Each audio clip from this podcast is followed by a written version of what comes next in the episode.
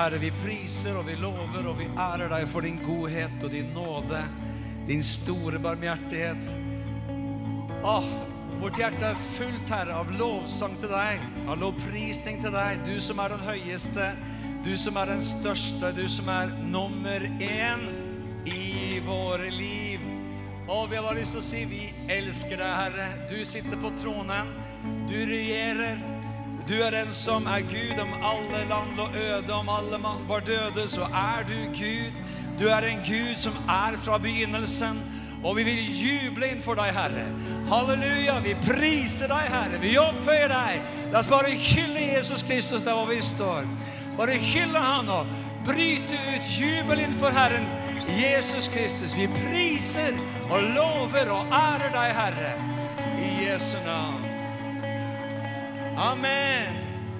Vær så god og sitt ned, alle sammen. Så godt å se dere alle sammen.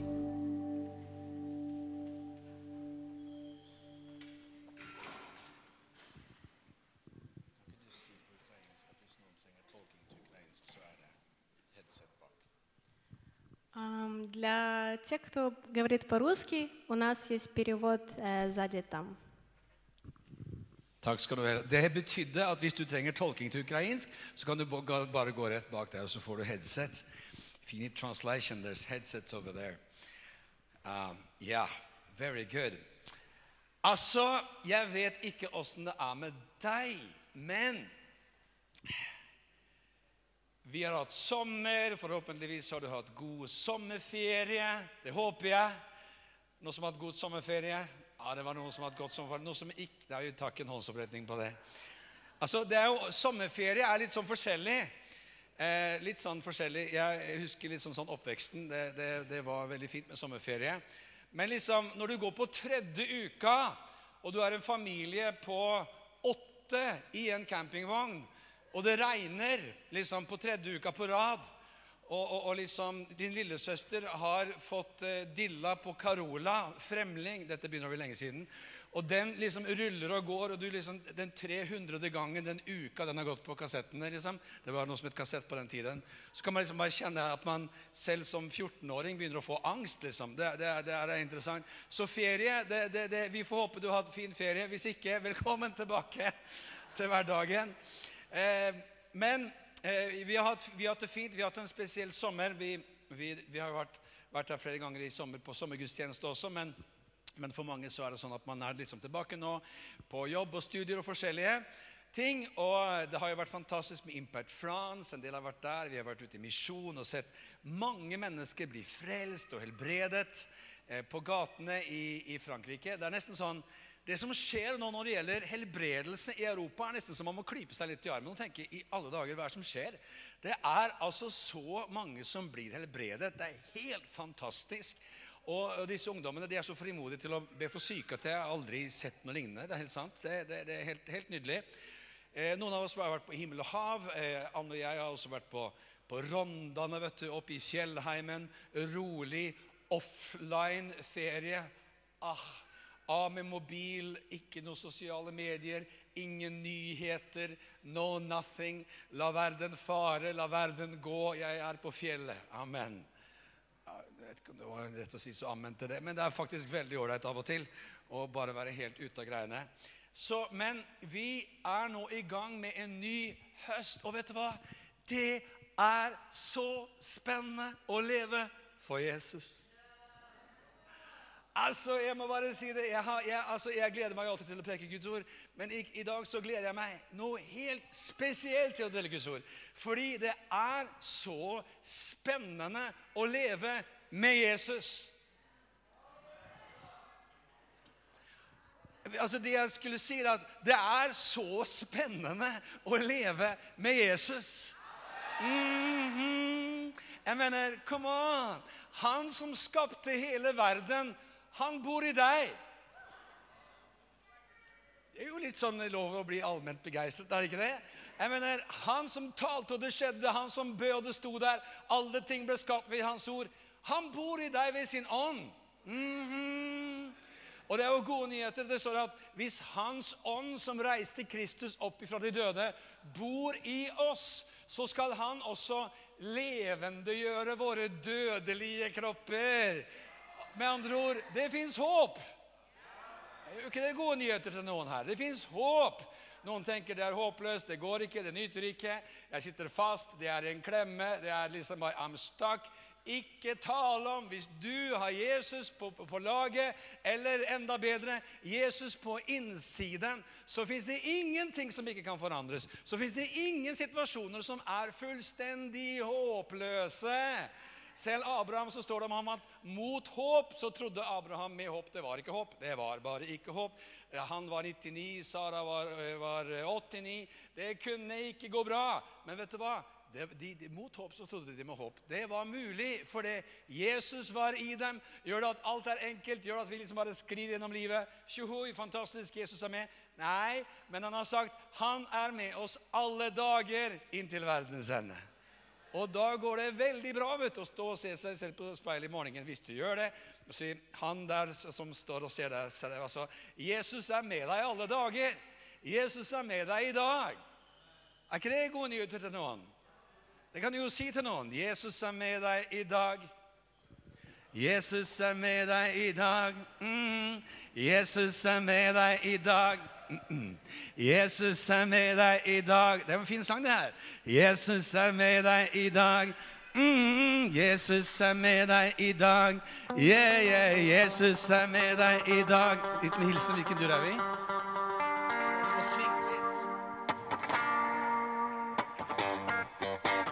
Jesus er med deg i dag. Hei, Jesus er med deg i dag. Hei, Jesus er med deg i dag. Jesus er med deg i Jesus er med deg i dag. Altså, altså This is church. Så vi må jo liksom Har du sett at det står i Efeserbrevet kapittel 5 at bli fylt av Den hellige ånd, så dere taler til hverandre? hverandre med salmer og sanger og åndelige viser. Så det er liksom litt der vi er nå. Så vi, vi, vi, vi, taler til hverandre. Hva betyr det? Til hverandre. Hva betyr det? Ja, sånn som du gjør der. Liksom, du, så, du, får reise deg opp, og så får du peke på noen. Og så, og så får du synge til noen, sånn som bare du kan. Jesus er med deg i dag. Jesus er med deg i dag. Jesus er med deg i dag. Jesus er med deg oh. Jesus er med deg i dag. Jesus er med deg i dag. Jesus er med deg i dag. Jesus er med deg i dag. Så om ditt hjerte er urolig, om du er full av bekymring, Jesus er med deg i dag. Om du er urolig for denne høsten, Jesus er med deg i dag.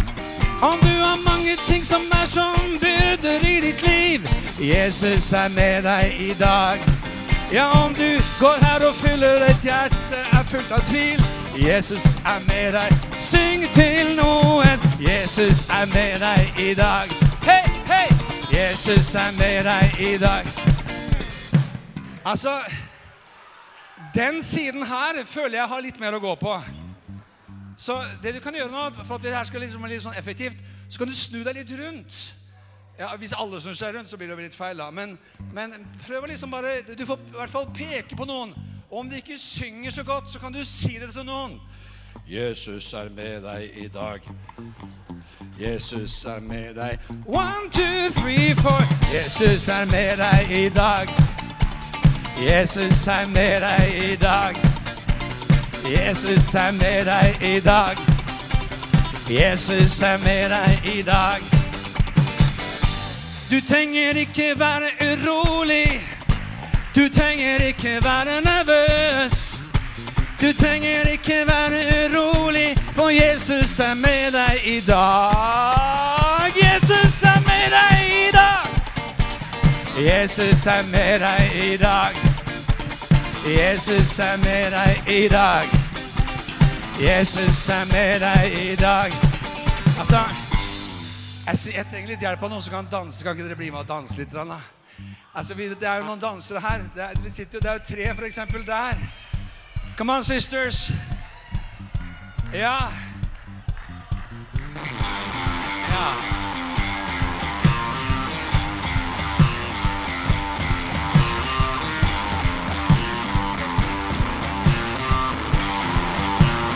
One, two, three. Jesus er med deg i dag. Hey, hey. Jesus er med deg i dag. Jesus er med deg i dag. Jesus er med deg i dag. Jesus er med deg, han er med deg. Jesus er med deg, han er med deg. Jesus er med deg, han er med deg. Jesus er med deg, han er med deg. Jesus er med deg, han er med deg. Ok, kan vi få høre alle sammen? Jesus er med deg, han er med deg. Jesus er med deg, han er med deg. Jesus er med deg, han er med deg. Oh, oh, oh. Jesus er med deg, han er med deg. Jesus er med deg, han er med deg. Jesus er med deg i dag. Jesus er med deg i dag. Jesus er med deg i dag. Jesus er med deg i dag. Jesus er med deg i dag. Yes! Det er bra, det er bra, det er bra. det er bra.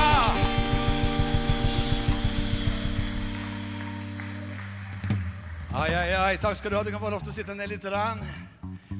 Det er jo livsfarlig å starte sånn som det her. Hvor skal det ende? Men eh, dere kan ta en pause, tror jeg. Ja, ja, ja, ja, ja. ja. Vet du, Det er det vi kommer til å huske når vi går hjem herfra i dag. Jesus er med deg i dag. Men jeg skal stille et spørsmål. For hva er det viktigste en menighet gjør? Det er klart, det er ikke bare ett riktig svar på det. Det er mange ulike gode svar på det.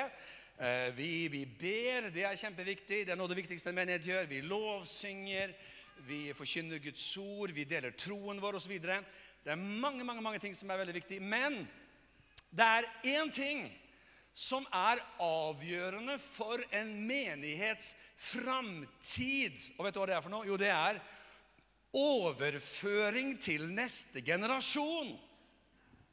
Er det noen som kan sykle her? Er det noen som kan sykle? Opp med hånda, alle som kan sykle. Du kan sykle. Ja, og det interessante det er jo liksom at eh, det, det var liksom ingen av oss som trolig bare liksom så en sykkel stå et sted og tenkte wow, kult, hjul og greier og greier, og jeg hopper på den, og liksom off you go.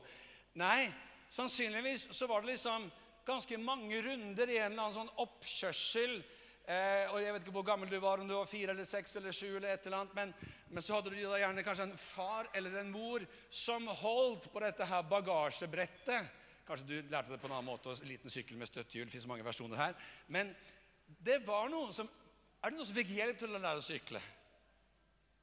Ja, det var, det var, var det noen som bare du, bare du fikk aldri hjelp, du bare syklet, liksom? Det var bare Oddleif. Ja, du har alltid vært spesiell, Oddleif. Han, bare, han hadde det bare i seg. Jeg bare, jeg bare sykler, liksom. Ok, men Veldig fint. Men, men det var én av hundre eller et eller annet som, en prosent her som, som liksom er der. Vi lærte det. Noen lærte oss det. Er vi glad for det? Ja, veldig, veldig glad for det. Det var en overføring. Ikke bare liksom en kunnskap, men en erfaring. Det var liksom ikke sånn at din mor eller far eller hvem det var, som, eller bror eller et eller annet, satt i stua og sa OK, nå, det, det, se det bildet her. Dette er en sykkel. Eh, si etter meg sykkel, sykkel.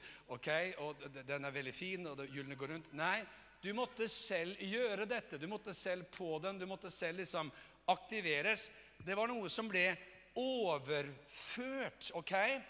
Og det som er interessant, er jo at dette er en tenkning som er veldig viktig på alle nivåer av kristent liv. Og på alle nivåer av menighetsliv så må vi gi videre til neste generasjon.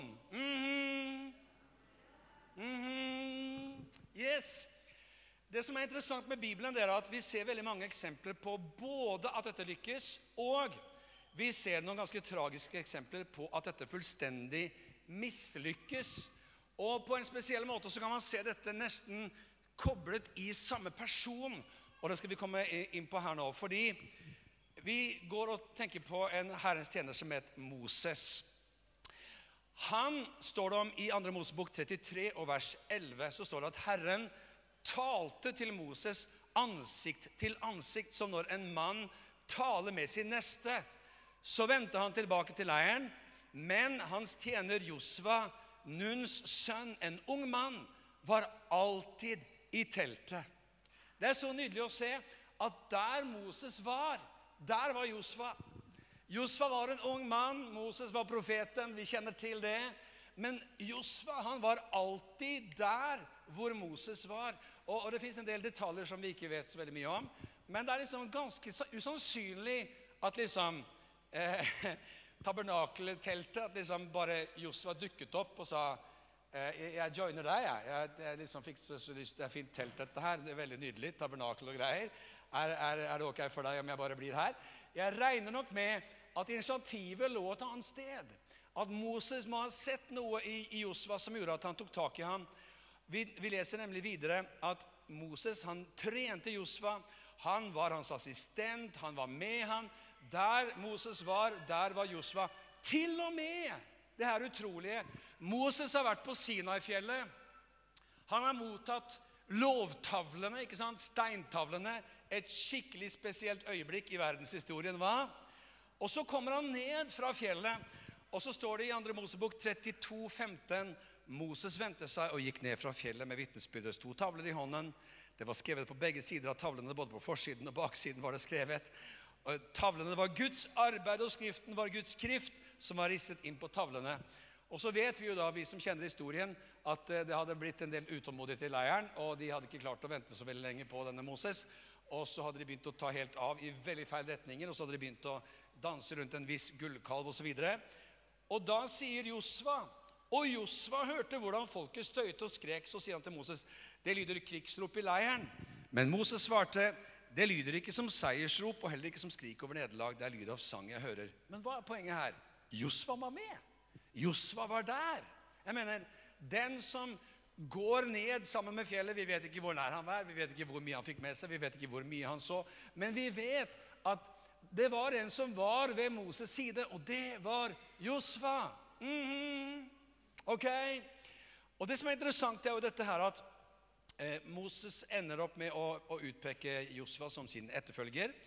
Eh, han sier altså I 5. Mosebok, kapittel 27, så står det at da talte Moses til Herren og sa Måtte Herren, Han som er Gud over ånden i alt kjød, sette en mann over menigheten, en som kan gå ut og inn foran dem, og som kan føre dem ut og føre dem inn, så Herrens menighet ikke skal være som får uten hyrde. Og Herren sa til Moses, ta Josfa, Nuns sønn. Han er en mann som det er ånd i. Legg din hånd på ham. Still ham framfor Eliesar, Eliasar, ja, presten, og for hele menigheten, og innsett ham i hans tjeneste for deres øyne. Legg nå din verdighet på ham, så hele Israels barns menighet må lyde ham. Og, og så leser vi da videre egentlig hvordan i, i 5. Mosebok 31 at han kaller Josfa til seg i vers 7 og sier så hele Israel hører det. Vær frimodig og vær sterk. Når Moses skal instruere eh, menigheten og gi dem en sånn siste hilsen før han forlater sin gjerning som 120-åring, eh, så skriver han en sang. Det er veldig herlig det her. 'Jesus er med deg i dag'. Han tenker, Skal disse huske dette her som jeg har å si til dem, så må de lære seg denne sangen. Så det er en lang, flott sang i slutten av 5. Mosebok som kalles for Moses' sang. Og så står det altså i 5. Mosebok 32 Så kom Moses og sa fram hele denne sangen for folket. Han og Josva, Nuns sønn. Det var en liten duett der. Det er ikke alltid vi tenker detaljene. Men Josva er med og synger sangen. Han har jo lært seg sangen av Moses. Hvorfor det? Fordi denne sangen skulle de fortsette å synge. Det var liksom ikke sånn OK, been there, done that. Vi har sunget sangen. Nei, de skulle fortsette å synge sangen for å minne hverandre på Guds veldige gjerninger. Mm -hmm. Så står det videre da i 5. Mosebok 34 og vers 9. Josva Nuns sønn var fylt med visdomsånd, for Moses hadde lagt sine hender på ham, og Israels barn var lydige mot ham og gjorde som Herren hadde befalt Moses. En liten parentes. Det kan være du sitter der og tenker som leder på et eller annet nivå på dette hus, i denne menighet, og tenker ja, men jeg er jo som en sånn Josva, som skal gå i lære hos Moses. Men det kan være at det egentlig er helt motsatt, at du egentlig er som en Moses. Og så skal du ha sånne Josvaer eller josvainer som går i lære hos deg. Så identiteten her er veldig viktig. Tenkningen vår er veldig viktig. Hvem er vi? Hvordan tenker vi rundt dette her? Og overskriften på prekenen den glemte jeg å si, men det er generasjoner. Moses trente Josfa, det har vi sett. Men så er det store spørsmålet hvem trente Josva. Har vi noen forslag her? Jeg mener, Vi sliter med å komme på noe. Helt enkelt fordi det står ingen tydelig beskrivelse av at Josfa trente noen som helst. Vi har sett eksempler, vi kunne tatt mange flere vers, men vi har sett eksempler på Josfa. Han var med Moses, han var i teltet, han var på fjellet, han var der, han sang med Moses, han ble opplært av Moses. Han, han ble bemyndiget av Herren gjennom Moses, han ble innsatt for å lede i neste generasjon. Men Josva trente ingen. Kan du fatte og begripe at han som hadde blitt sett, at han som hadde blitt tatt tak i, at han som hadde blitt trodd på som en ung mann, han tok ikke og levde etter de samme prinsippene selv. That's bad. Kan vi si det, alle sammen? Ja, men litt innlevelse, da. That's bad. That's really bad. Mm -hmm. Derfor skal vi nå se et av Bibelens aller tristeste vers. Jeg vet ikke hvordan det er med deg, men, men av og til så leser man Bibelen, og så tenker man bare ah, Er det mulig? Hvordan kunne man holde på sånn? At det går an? Dessverre så er det jo et speilbilde av ofte oss og vår egen tid også, men ok. I Dommerboken kapittel 2 så leser vi vers 6. Er du med? Det er bra. Da Josfa hadde latt folket fare, og Israels barn var dratt hver til sin arvedel for å ta landet i eie, tjente folket Herren så lenge Josfa levde. Og så lenge alle de eldste levde, som overlevde Josfa og hadde sett alle de store gjerningene Herren hadde gjort for Israel. Men så døde Josfa, Nuns sønn, Herrens tjener. Han var da 110 år gammel. Og de begravde ham på hans arvedelsgrunn i Timnat Heres i Efraimfjellene nord for Garsfjellet. Så ble hele dette slektsleddet samlet til sine fedre, og etter dem vokste det opp en annen slekt som ikke kjente Herren, og heller ikke de gjerningene han hadde gjort for Israel. Da gjorde Israels barn det som var ondt i Herrens øyne, og de dyrket balene. De forlot Herren sine fedres Gud, han som hadde ført dem ut av landet Egypt. Og de fulgte andre guder, de gudene som folkene omkring dem hadde. Israels barn tilba dem og vakte Herrens vrede. De forlot Herren og dyrket Bal og startebildene. Da ble Herrens vrede opptent mot Israel. Han ga dem i røveres hånd, og de plyndret dem. Han overga med deres fienders hånd disse som bodde omkring dem, og de kunne ikke stå seg imot sine fiender. Hvilken tragedie! Jeg mener, Tenk generasjonen som var før disse. De hadde sett tegn, under, mirakler. Er det noen som husker historien om, om liksom Josva og uh, vandringen rundt Jeriko? På syvende runden, på syvende dagen skal dere rope de roper og gara bagang, og murene raser ned. De inntar landet. Jeg mener, Josva møter engelen over Herrens hær. Og de er så frimodige at liksom, når fienden angriper dem borti Ayalons dal, så sier Josva, 'Stå stille, du sol! Stå stille, du måne!' Og alle sammen ser at dagen blir stående som om man satt på pauseknapp. Og Gud er så på laget med under og mirakler i kampen at det er flere fiender som forgår av Guds hagl som regner fra himmelen over dem, enn det Israel klarte å fikse selv. En dramatisk historie. Jeg vet det.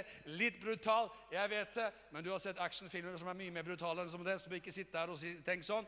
Nei, fordi Hva er greia her? Jo, Gud virket med. Var det heftig? Ja. Var det voldsomt? Ja. Det var en generasjon som så at når arken og prestene satte bena sine ut i den breddfulle svære den gangen Jordanfloden, så stoppet hele Jordan, og de gikk tørrskodde over. Akkurat som deres forfedre hadde gjort ut av Egypt gjennom Rødehavet. Og så kommer neste generasjon.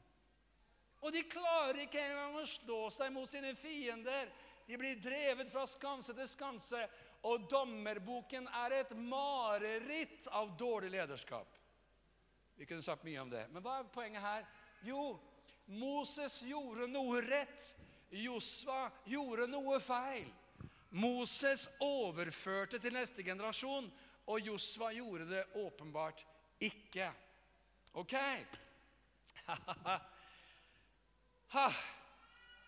Man sviktet nettopp når det gjaldt å gi videre til neste generasjon. I Det nye testamentet så er det sånn at man kan jo spørre seg hvem er det fremste eksempel i å gi videre til neste generasjon? Svaret er veldig enkelt. J-E-S-U-S. Jeg mener, Kan du tenke deg Jesus plukker ut tolv disipler, unge karer fra litt sånn utkanten av Israel, langt utenfor eh, maktens sentrum. Og det er litt av en gjeng, ass. Hæ? Det var jo en som det gikk veldig galt for, han som stjal i kassa. Men jeg mener, Peter bannet på han, at han ikke kjente Jesus. Og, og Johannes og Jakob var så temperamentsfulle at de sa skal vi byde ild fare ned fra himmelen og fortære disse samaritanerne Jesus? Og Jesus bare nei, nei, nei, nei, på ingen måte. Bartlimeus han kan ikke ha sagt et eneste ord hele tiden. Altså, han, han, vi hører aldri et sitat av Bartelimeus. Thomas tvilte. Altså, det, var liksom, det var litt av en gjeng. hva? Og på tre år så har Jesus trent dem på en måte som gjør at de sier, ok, nå gir jeg dere tolv gutta her, eh, dvs. Si elleve, men eh, det, sånn ble det da. Eh, et oppdrag. Gjør disipler av hele planeten. Og så dro han. Og så funka det! Da har du virkelig gjort noe rett når det gjelder å overføre til neste generasjon. Ikke sant? Tenk på Paulus. Det er så vakkert med Paulus. Neste eksempel, 2. Timoteus kapittel 2. Så skriver Paulus til denne sin sønn i ånden. Han sier, 'Bli du da, min sønn', i vers 1, 'sterk ved nåden i Kristus Jesus'. Det du har hørt av meg, i mange vitners nærvær, Overgi det til trofaste mennesker som også er i stand til å lære andre. Hva er det han sier for noe? Det er en fantastisk tanke. Det du har hørt av meg sammen med mange andre, skal du overlate til trofaste mennesker som kan lære andre. Vi ser fire generasjoner. Fra Paulus til Timoteus til pålitelige mennesker eller troverdige mennesker og til disse andre som også kan opplæres.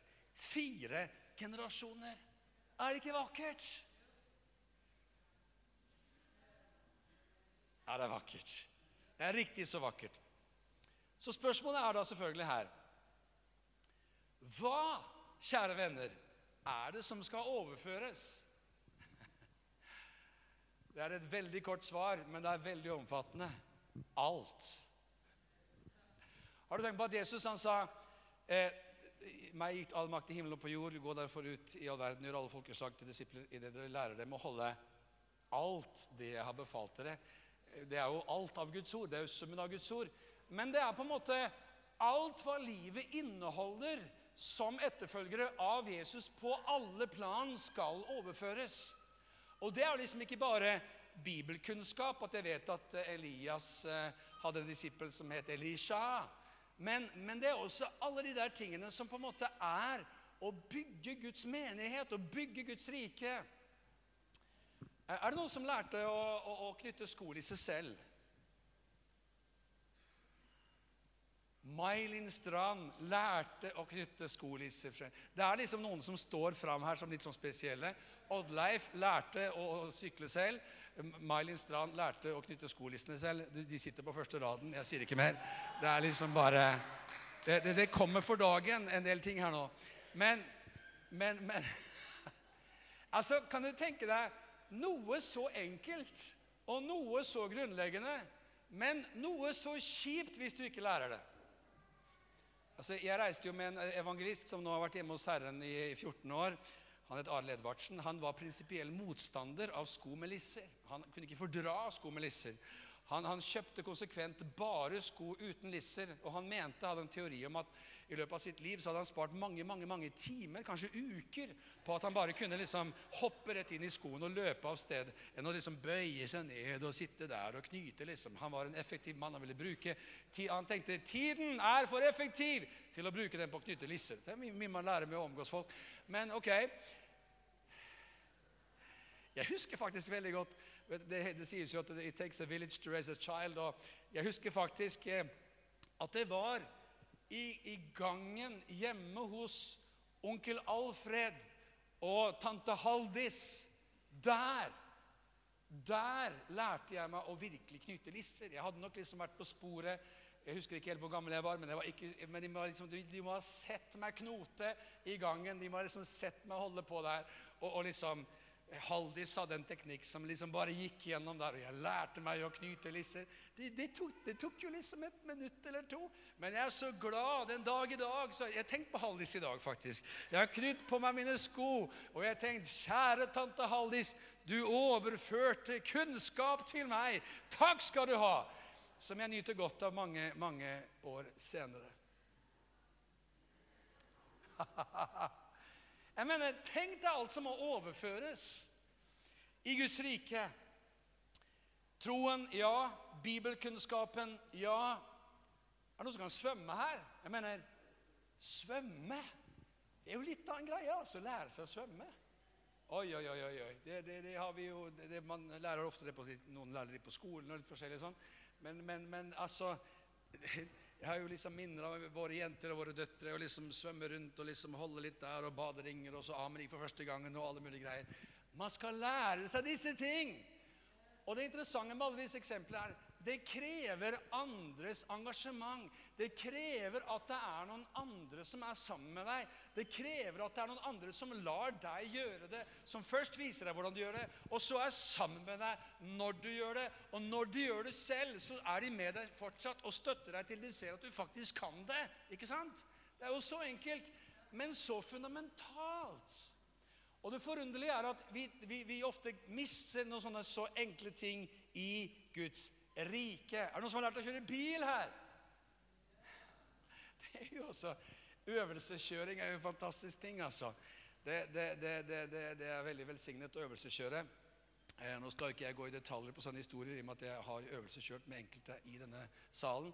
Men, men, men, men det er jo eh, Altså, det er Prinsipielt så er det jo liksom umulig å lære seg å kjøre bil fra baksetet. Ikke sant? Hvis du liksom, Et lite sånn tips nå til deg som skal liksom ha noen å øvelseskjøre med. Hvis du tenker ok, her sitter jeg, de sitter i bak. Ok, følg med nå, gutter, hva jeg gjør. ikke sant? Det funker jo ikke. Etter hvert så havner du liksom i hvert fall over på, ved siden av de første gangene. Så du får den store heder og ære å sitte der som far vanligvis sitter. Ja, det var, det var dypt, den der. Eh, eh, ikke sant? Eh, og så får du sitte der som far vanligvis sitter. Men så kommer du over der som mor pleier å sitte. Glory. Sant? Og får kjøre bilen selv. Hva er det med dere i dag? Er det sjokktilstand, eller er dere her, eller er det varmt? Det er varmt, i hvert fall jeg er varm. God sommer, sommeren er over, høsten har begynt. Er, er du våken her? Ja, takk skal du ha. Det må gis videre. Det må overføres.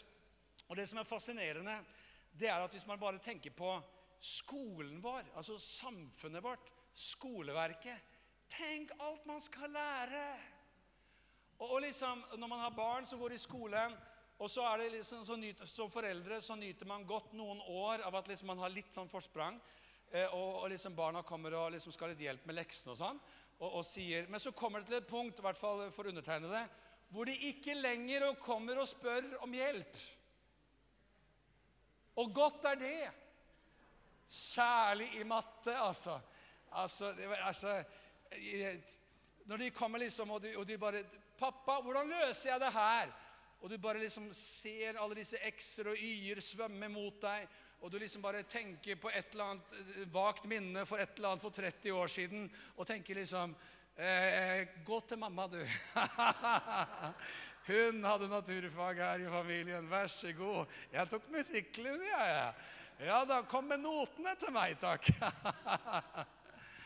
Men det er jo utrolig hva som skal overføres. Jeg mener, Tenk deg hvor mye tid som brukes hver bidige dag, år etter år etter år etter år, etter år, etter år, for å lære norsk, og lære matte, og lære historie og lære alle mulige greier. Det tar jo masse tid i årevis. Mhm. Mhm. Og Vi gleder oss til å starte kristen skole. Hans Nilsen Hauge, grunnskole, skal startes. Det er fantastisk å tenke på. Og vi har en ivrig gjeng som arbeider med at det skal, det skal, det skal skje også. Men så fins det noe annet, altså, og det er rett og slett um, Alt som sagt, det som fins i Guds rike, skal overføres. Og det fins et eksempel som jeg syns er så morsomt. Ah, jeg elsker Guds ord. La oss gå til første krønikebok. Har dere lest krønikebøkene? Ja, det er veldig viktig med krønikebøkene. Det, det, det, er som det er noen som kapitler på å komme i gang. Han, fikk den sønnen, så fikk den sønnen, så fikk den sønnen, så fikk den sønnen, så fikk den sønnen, så fikk den sønnen, og så kan du tenke nei, jeg dropper den boka der. Nei, nei, nei, nei, den er veldig viktig. Det kommer noen fantastiske ting etter hvert. Og det man jo uansett ser, det er at ting går fra generasjon til generasjon. Det er jo liksom hele poenget i første krønikebok. Men det vi ser i første krønikebok, kapittel 23 og vers 27, så ser vi Det var etter Davids siste ord at Levis barn ble talt fra 20-årsalderen og oppover. Oppgaven deres skulle være å hjelpe Arons sønner med tjenesten i Herrens hus. De skulle ha tilsyn med forgårdene og kamrene og sørge for rengjøringen av alt det hellige og utføre arbeidet med tjenesten i Guds hus. Både med skubrødene og det fine melet til matofferet, med de usyrede brødleivene. Og med hellene til tilbake på, med melet som skulle knas, og med alle hulmål og lengdemål. Hver morgen skulle de stå og love og prise Herren likeså hver kveld. De skulle hjelpe til ved hver ofring av brennoffer til Herren på sabbatene, på nymånedagene, på høytidene, så mange som det var fastsatt, og slik som var foreskrevet for dem, alltid for Herrens åsyn. Slik skulle de da ta vare på det som var å gjøre ved sammenkomstens telt, og det som var å gjøre på helligdommen, og de skulle hjelpe sine brødre Arons sønner ved tjenesten i Herrens hus. Tenk på alt som skulle gjøres i tempelet! Det var det ikke lite, altså. Tenk på alle kunnskaper og erfaringer som måtte gis videre. Tenk på alle rom, alle kamre som skulle opprettholdes, vedlikeholdes, repareres, rengjøres. Alt skulle gjøres på helt spesielle måter. Det var til og med sånn at det var spesielle brød som skulle bakes. De kaltes for skuebrød. Det står til og med at de knadde melet. vet du. Det er veldig herlig. Det var en spesiell måte å kna melet og Det var jo et eget bakeri der, vet du. Hvor de måtte lære seg å bake de rette brødene. Vi kan ikke gå i detalj på dette, men hva er det vi ser her? Jo, vi ser at det var en enorm mengde kunnskaper og erfaringer som skulle gis videre til neste generasjon. Ikke bare bibelkunnskap. Tenk deg de som har ansvar for ofringene. Jeg sier bare takk Gud i himmelen for den nye pakt, kjære Jesus Kristus. Det hadde jo vært veldig spesielt altså, om liksom noen kom drassende inn med en okse her nå.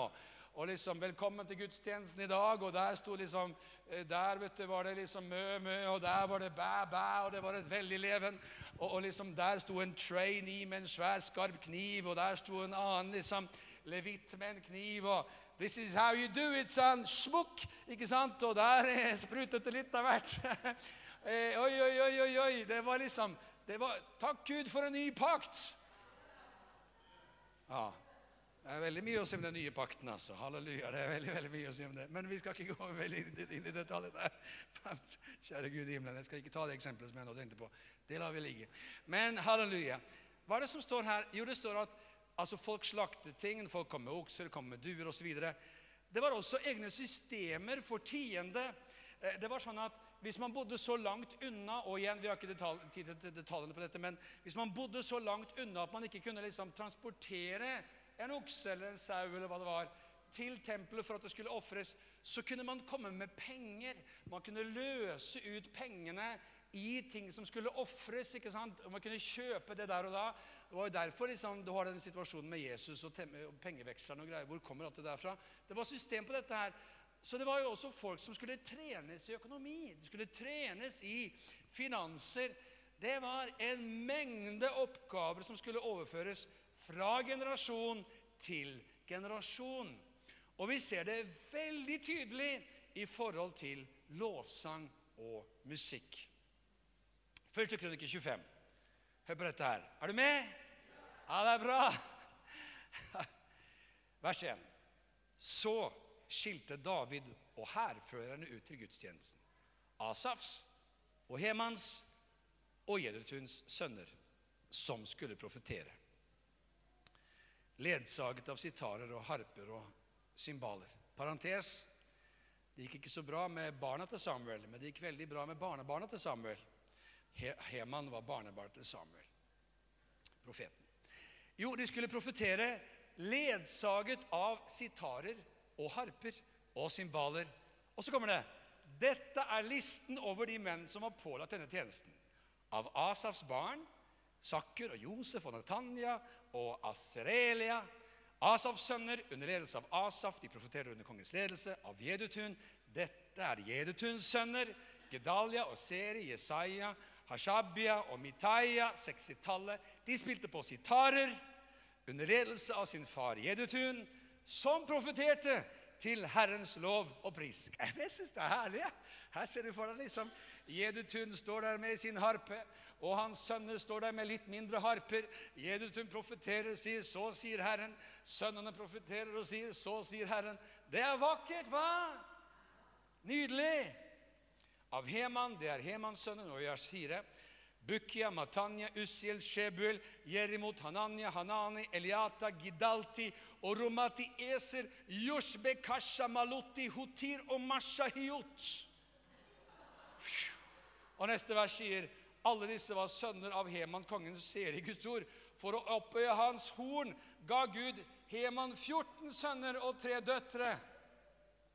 Nå har vi startet med døtrene, vi da, så får vi se. 14 sønner er jo fantastisk. Er det godt det fins åndelige sønner og døtre også, hva? Alle disse sto under sin fars ledelse når de sang i Guds hus.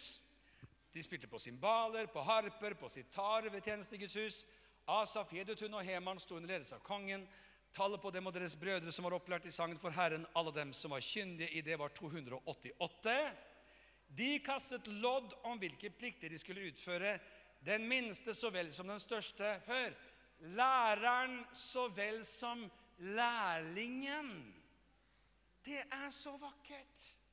Her var det fedre til sønner og døtre, lærere og læringer, lærlinger, som hadde trainees. Hvordan skal vi lovsynge? Hvordan skal vi prise Gud? Hvordan skal vi spille? Hvordan skal det synges? Hvordan skal vi tjene til Guds ære? Hør, alt dette var satt i system. Ingenting var overlatt til tilfeldighetene. Er ikke det spesielt? Hør her. Hva er det som trenger å overføres til neste generasjon? Alt! Ikke bare det vi tror, men også det vi gjør. Alt det vi gjør, og alt det vi kan. Og hvis man liksom skal summere opp, hvis man bare tenker på noen ting ikke sant? Hva er det vi skal overføre til neste generasjon? Hvordan skal, skal vi forkynne evangeliet? Hvordan skal vi lede lovsang? Hvordan spille instrumenter til Guds ære, hvordan styre lyd, hvordan produsere video, hvordan produsere broadcast, hvordan undervise, hvordan reparere kirka, hvordan organisere, hvordan undervise, hvordan styre økonomi, hvordan lede, hvordan lede team, hvordan lede prosjekt, lede et arbeid. Alt må gis videre på alle plan. Og så kan da noen tenke å, så fint vi har barnearbeid og ungdomsarbeid. Jo, det er fint. Og det er viktig. Men det vi snakker om her, det er noe ganske annet. Mhm. Kan du si det? Altså ikke mhm, men det er noe ganske annet. Det er noe ganske annet. Mm, mm. Det er noe ganske annet. Mm, mm. Det er noe ganske annet. Mm, mm. Det er noe ganske annet. Det er noe ganske annet. Mm, mm. Det er noe ganske annet. Mm, mm. Det er noe ganske annet. Mm. Det er noe ganske annet. Til og med det der kan man bli musikk av. Det er noe ganske annet. Mm. Det er noe ganske annet. Det er noe ganske annet. Det er noe ganske annet. Det er noe ganske annet. Det er noe ganske annet. Det er noe ganske annet. Det er noe ganske annet. Hva Takk skal dere ha. Hva er det som er You are very good. Thank you very much. Hva er det som er noe ganske annet? Jo, det er at alle ting på alle plan, på alle nivåer, i hele menighetslivet skal overføres til neste generasjon. For da må vi spørre oss er det det vi holder på med. Er det det som Takk skal dere ha. I'm sorry, guys. You, next time you're so quick. You're so super quick, so you can, you can, you can, whatever, you can sit there, whatever you want. Whatever you want. Unnskyld at jeg snakker engelsk her. Hva som helst. For hør nå her. Halleluja. Det jeg kjenner når jeg leser dette, det er at vår tenkning rundt barne- og ungdomsarbeid blir kraftig utfordret. For en menighet som tenker alt skal overføres, det er, hør, en menighet som er engasjert i neste generasjon. På alle plan. Er det noe som bare er for unge mennesker? Selvfølgelig ikke. Er det noe som er for godt voksne mennesker? Så absolutt. Er det noe som er for de eldre? Selvfølgelig. Jeg mener, enhver generasjon har noe å gi til neste generasjon. Eksempel, hvis du virkelig skal lære å be som et ungt menneske Et godt tips det er å joine noen som har bedt lenge. Så hvis du kanskje har passert 70 eller 80, så har du i hvert fall bedt en stund hvis du har fulgt Herren en stund. Hva? Kanskje du har noe å lære bort. Disiplene sa til Jesus, 'Lær oss å be'. Forsvant de helt nå, de gutta? De bare helt. Er du ganske Ok. okay. Jeg tror jeg skal runde her, for jeg er bare så vidt i gang. Bare så vidt i gang. For spørsmålet vi skal spørre oss, det er selvfølgelig Når begynner overføringen? Når begynner overføringen? Når skal vi begynne å trene neste generasjon? Jeg husker eh, det, jeg egentlig kan i livet, det, gjør jeg ikke så veldig mye av, og det er å spille trompet. Ja da, det var min greie. Jeg pleier å si at min visjon var under en meter lang. Det var liksom en, trompeten. Så jeg alltid sagt at hvis jeg skulle få en, en sønn noen gang, så skulle han hete Trond Peter. Bare prøv å si det fort. Trond Peter. Men, eh, men sånn ble det ikke. Men, eh, men eh, halleluja. Det, det, det, det, navnet for noen av dere ta. ah, jeg var ni år da jeg begynte. Det er jo ikke veldig tidlig i det hele tatt. Men man øvde, øvde, øvde, øvde, sånn så mange av dere har øvd på et eller annet instrument eller lært seg en eller annen greie. Men det rare det var at når jeg var 12-13, så kom det en fyr bort til meg og sa du, nå har du spilt i fire år. Nå har du blitt flink. Jeg var flink en gang. Det er lenge siden. Veldig lenge siden. Nå skal du begynne å ha dine egne elever, og så skal du lære opp dem. Så hver eneste uke fra jeg var 13 til sånn 19-20 der omkring, 19 kanskje, så hadde jeg altså elever som jeg skulle lære å spille. Og jeg fikk betalt for det. Det var fantastisk. Det var jo en nydelig jobb. Jeg husker, jeg husker en stakkars elev. Altså, det, det, det var, altså, han spilte så stygt. Det var, altså, du skal jo liksom være pedagog, og du skal være snill og du skal være grei og du skal jo oppmuntre. Og det var, det var en, en stakkars gutt. Altså, det var, det var en mare å høre på. Altså, det, låt, det, låt, så innestengt, det låt så liksom forknytt. Det lå, mens alle andre liksom sånn, Uten overdrevelse. Det var så fælt!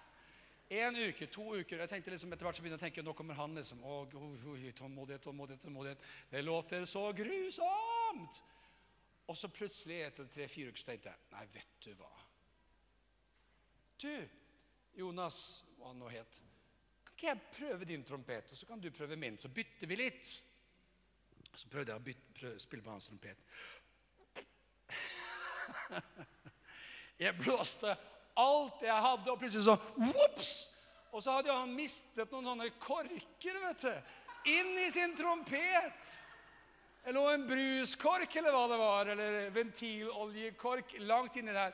Så, så kjære Jonas fikk et nytt liv. Altså, Det var jo hans beste spilletime ever. Han kom hjem, og liksom, det låt jo helt fantastisk. Plutselig så var klangen helt nydelig. Korken var borte. Jeg hadde fått trøkket den ut. Hva er poenget her? Hva er poenget her? Ja, det er et godt poeng. Ja, jeg var 13, 14, 15, 16 Hadde elever som var 8, 9, 10, men gikk selv i lære hos en som var 25. Sånn tenkte man i skolekorpset man skulle holde på. For at man skulle sørge for at man hele tiden hadde en pool av nye som kunne spille. Og sånn holder fotballen på. Og sånn holder idretten på. Ikke sant? Trene, lære, utruste, istandsette neste generasjon. Og vet du hva? Sånn skal vi holde på. Sånn skal vi holde på. Sånn skal vi Yes! Sånn skal vi holde på. Amen. Sånn skal vi holde på. Og Det var nok ikke sånn at selv om det stod at levitene begynte i 20 års alder Det var da de liksom var sånn clarified. Nå er de offisielle levitt her nå. Men det var liksom ingen som kom i tempelet som 20-åring og 'Vær så god, her er harpa. Kjør på, broder.' Nei. De hadde lært seg, vet du. Hvem var instruktøren? David var instruktøren. Den dyktige musikeren.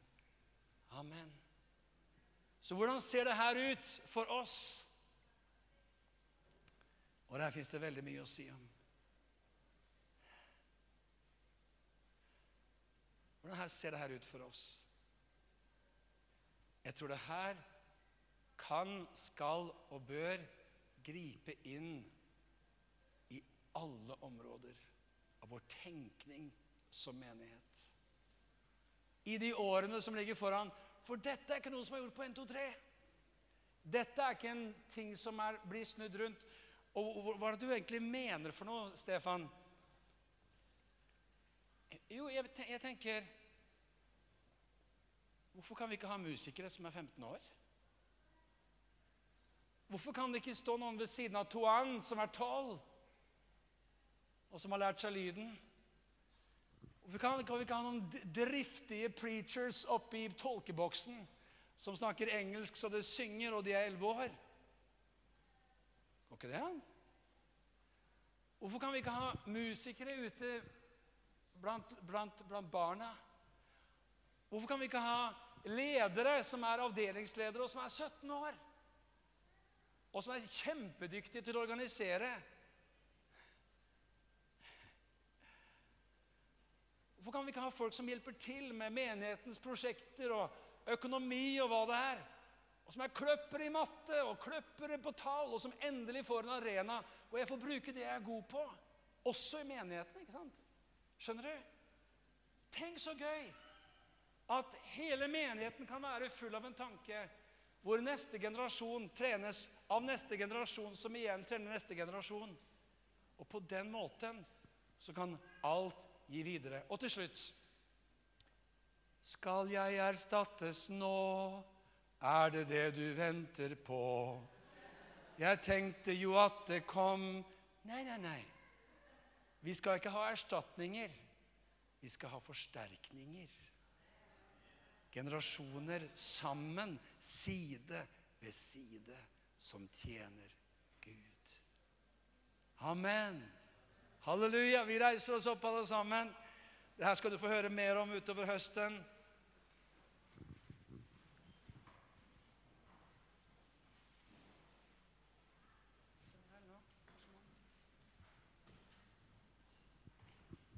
Dere, jeg sitter her og noterer for harde livet. for å få med meg alt.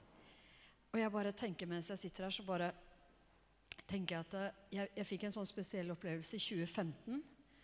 Da, da eh, fikk jeg reise til Sør-Korea og møte Cho og de der nede. For vi hadde hatt dr. Kim, kona, her oppe, og så ble vi invitert dit. Og, og vi var der, og vi var i forsamlingen.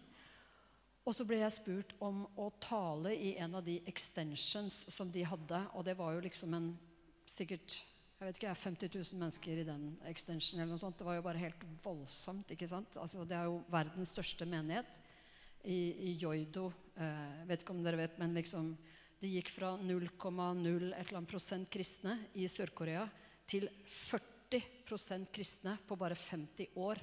Altså Gud har gjort et helt enormt verk i Sør-Korea. Og jeg har fulgt det med å lese alle bøker til Junge Cho. selvfølgelig, og Vi har fulgt det her i Skandinavia. Han har vært her og, og, vært på besøk. Og sånt, og vi har fulgt med den forsamlingen at det var verdens største menighet.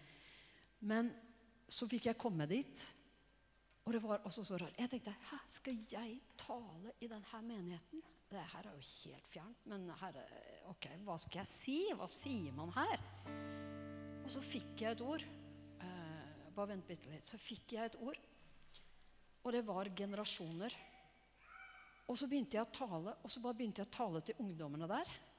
Og jeg bare Dere, altså hvert eneste ungt menneske her eh, Deres, altså foreldregenerasjonen, har, har trodd Gud.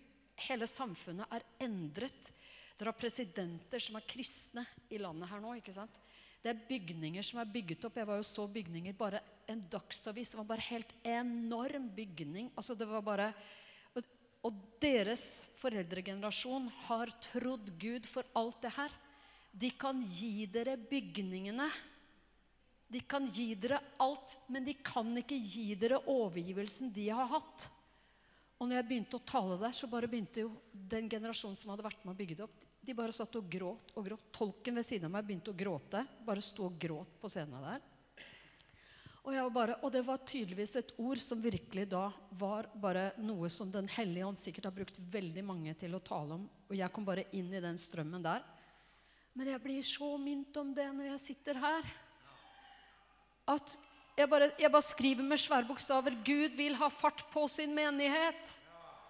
Gud vil ha orden på sin menighet. Vi er ikke noe hobbyvirksomhet her, altså.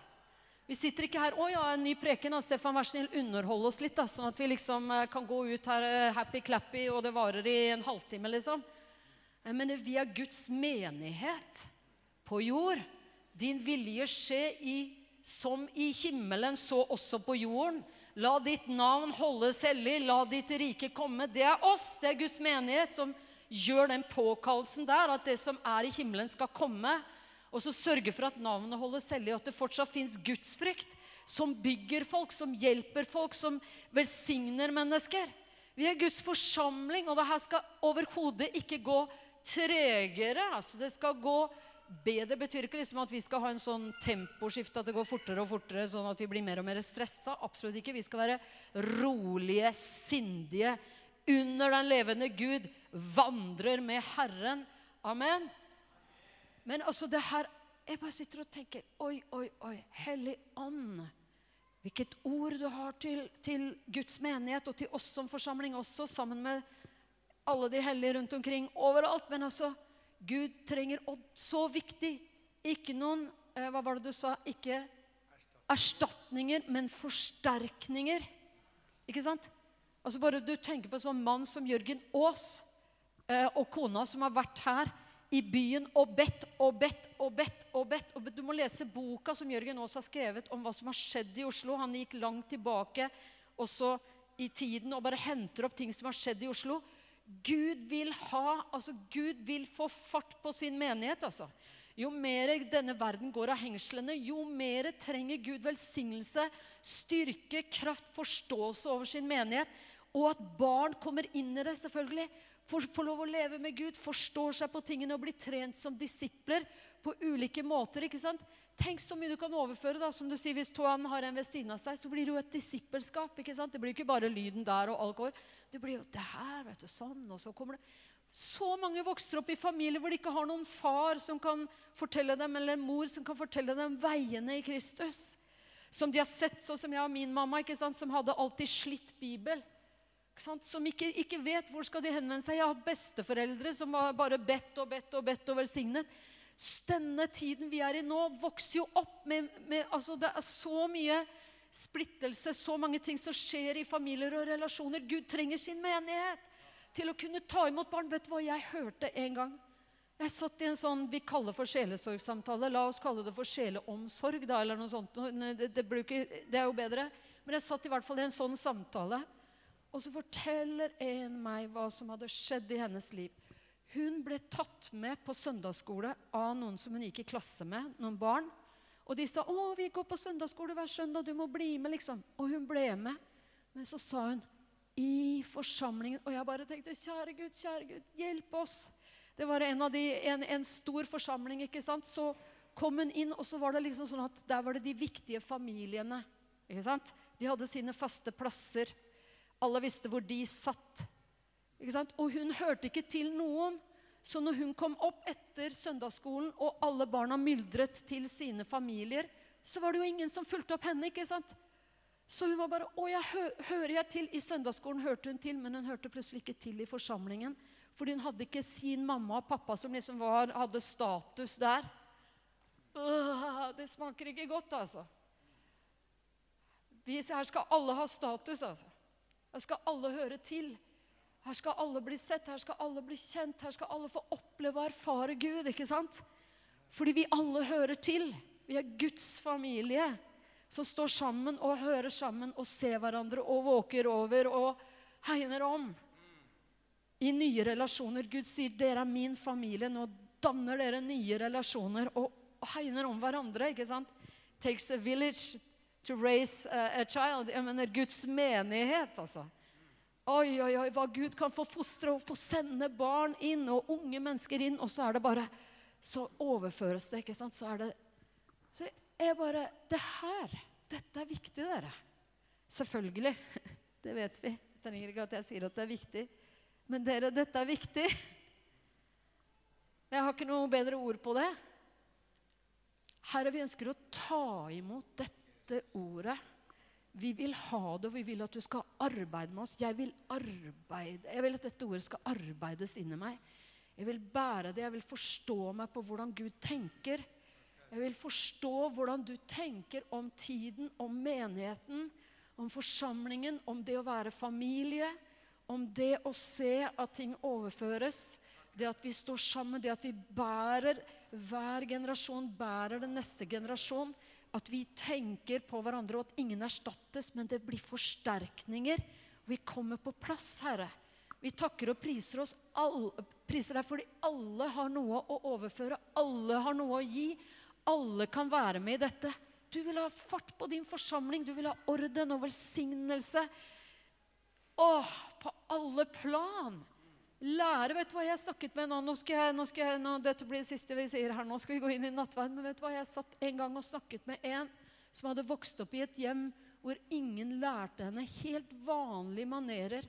Så hun kom ut blant folk, så var liksom bare Ingen hadde hatt tid. Der var det mest alkohol som preget det hjemmet der. Og ingen hadde hatt tid til å lære henne forskjellige ting. Hun satt og fortalte meg hvordan det var forferdelig å komme på skole. komme hun visste ikke liksom, de mest grunnleggende ting. Hvordan hun skulle oppføre seg, hvordan hun skulle gjøre hvordan, liksom, sosiale ting. Måtte bare prøve liksom, å finne ut av det. ikke sant? Vet dere, Guds forsamling, det er, et, det er et sted med Guds rike ressurser i relasjoner. Å, Herre, vi, skal vi be at Gud forløser potensialet i oss? At vi tenker da, at vi ikke tenker vi er vi er Josfa som skal trenes, men vi kan være en Moses for noen. Ikke sant? Herre, vi bare takker deg og priser deg, for her er vi, Herre. Og vi ønsker å være så villige når du kaller oss, og bare begynne å bli fylt av dine drømmer og tanker for overføringer og for ting vi kan være en del av for å forsterke. Og se at din forsamling forsterkes, Herre, og velsignes, og at ressursene forløses på ulike måter, og vi takker deg for samhørighet i alt dette her som du ser, dette landskapet du ser, Herre. Vi takker og priser og lover deg for det verket du gjør i Den hellige ånd. Amen.